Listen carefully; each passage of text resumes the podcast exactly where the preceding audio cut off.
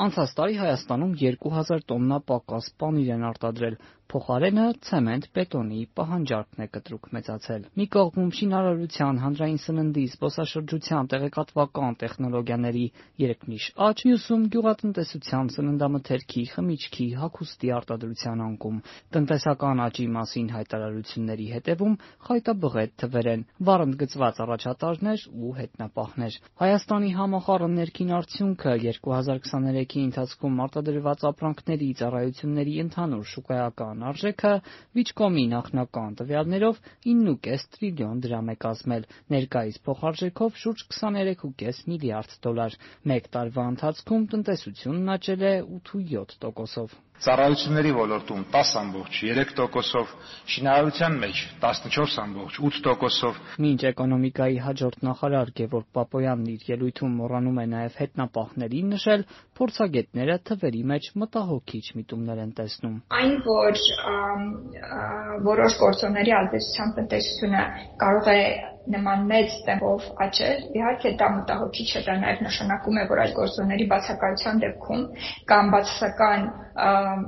միտումների դեպքում տնտեսությունը կարող է նաև անկում ապրել։ Տնտեսական 8.7%-անոց աճի գերակշիռ մասն առևտուրն ու ծառայություններն են ապահովել։ Այս ճյուղերը միասին Հայաստանի ՀՆԱ-ի շուրջ 60%-ն են կազմում։ Գրեթե երկու տարի շարունակ իշխանությունները բարձր ցուցանիշները ձեռք բերում են համարում։ Մասնագետներն էլ շեշտում են՝ ռուս-ուկրաինական պատերազմի ազդեցությունն է։ Տնտեսության կառուցվածքում արդյունաբերության մասնաբաժնի նվազումը մտահոգիչ է, ասում է Access վերլուծական կենտրոնի ավագ հետազոտող Արմինե Պետրոսյանը։ Իհարկե, եթե այս արտաքին գործոնները չլինեին, մեր տնտեսությունը կաճեր շատ ավելի դանդաղ,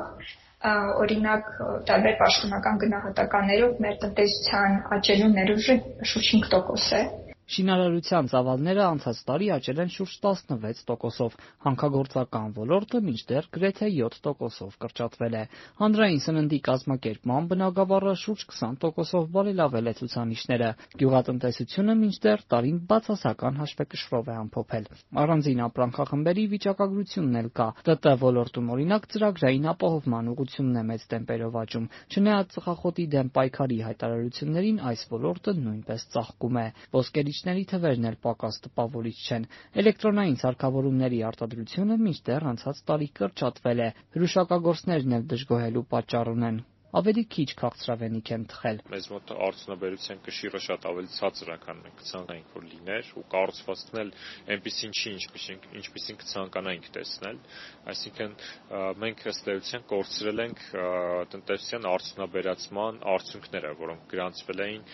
խորհրդային տարիներին, հատկապես 60-70-ականներին։ Դե այդ արդյունքները կորսված են եւ մենք հետ ենք վերադարձել անգամ ոչ այդ թվականների իրավիճակը եւ պետքա փորձենք 0-ից նորից բարձրացնել արդյունաբերությունը ներկա շուկայի կոնյունկտուրային, համաշխարհային շուկայի կոնյունկտուրային համահունչ։ Թե այս միտումները ինչ կբերեն հետագայում, տնտեսագիտական համալսարանի Ամբերտ կենտրոնի փորձագետ Նարեկ Կարապետյանի խոսքով մեծապես կախված է մեկ հանգամանքից։ Կկարողանա Հայաստանն օգուտներ հնարավորությունների վերածել, թե ոչ։ Ռոբերտ Զարգարյան, Ազատություն ռադիոկայան, Երևան։